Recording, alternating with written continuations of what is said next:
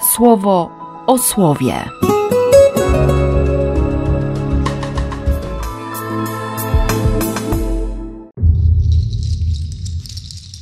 7 września, środa. O co konkretnie chodziło Pawłowi, kiedy mówi o tym życiu czystym i godnym, o życiu w celibacie? Nie do końca wiadomo w sumie.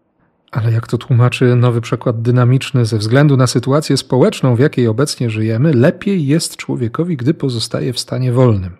Lecz jeśli ktoś jest już po zaręczynach, niech nie dąży do ich zerwania. Jeśli chłopak albo dziewczyna zdecydują się zawrzeć małżeństwo, nie grzeszą. Muszą jednak rozumieć, że podejmując taką decyzję, ściągają na siebie wiele dodatkowych utrapień, których ja zwyczajnie chciałbym im oszczędzić. Bracia i siostry, pisząc to wszystko, chcę Wam zwrócić uwagę na ważny fakt, iż niewiele czasu mamy do dyspozycji w tym życiu, dlatego wykorzystujmy go jak najlepiej ku chwale Pana. No właśnie, żyć i służyć Panu z takim oddaniem, jakby się było wolnym człowiekiem.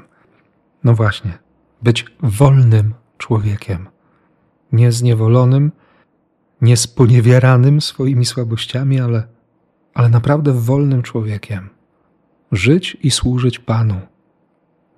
Korzystając z dóbr tego świata, nie składać w nich swojej nadziei mocna, bardzo mocna zachęta do wolności, bo ta wolność owocuje, nie?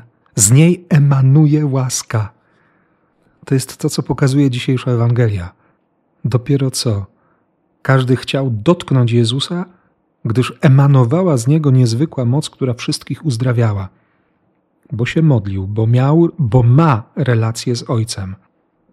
Jezus ma taką relację z Ojcem, że, że naprawdę pozazdrościć, nie? Ale co się dzieje za moment, dosłownie za moment. Nie? On uzdrawia, uzdrawia, uwalnia, patrzy na uczniów i mówi: Prawdziwego szczęścia i błogosławieństwa dostępujecie wszyscy, którzy rozumiecie bezmiar swej duchowej nędzy i całą nadzieję składacie tylko w Bogu. Jeśli łakniecie Bożej sprawiedliwości, wiedzcie, że jesteście na drodze do prawdziwego szczęścia i błogosławieństwa. W Bożym Królestwie zostaniecie nią nasyceni. Jeśli teraz płaczecie z powodu grzechu, tak swojego, jak i innych, Wiedzcie, że doświadczacie prawdziwego szczęścia i błogosławieństwa, gdyż w Bożym Królestwie zostaniecie napełnieni radością. Ale jeśli radość i spełnienie znajdujecie w bogactwach tego świata, sycicie się tym światem, jesteście prześmiewcami, świat o was wyraża się z podziwem i uznaniem, to, to żeby się nie okazało, że, że to jest fałszywa droga. I że w wieczności będzie tylko smutek i płacz. Gdyby jutro nie było święta Narodzenia Matki Bożej i, i słuchalibyśmy kolejnych wersetów, to Jezus daje rozwiązanie, konkretne rozwiązanie. Dlatego wszystkim, którzy mnie słuchacie, mówię: okazujcie swym wrogom taki rodzaj ofiarnej miłości, jaki ma Bóg. Wyświadczajcie dobro także tym, którzy was nienawidzą, błogosławcie tym, którzy wam złorzeczą i módlcie się za tych, którzy was krzywdzą. Wolność autentyczna wolność. Wolność, która jest łaską i która daje łaskę innym, która jest doświadczeniem miłosierdzia i jest szansą na ofiarowanie miłosierdzia.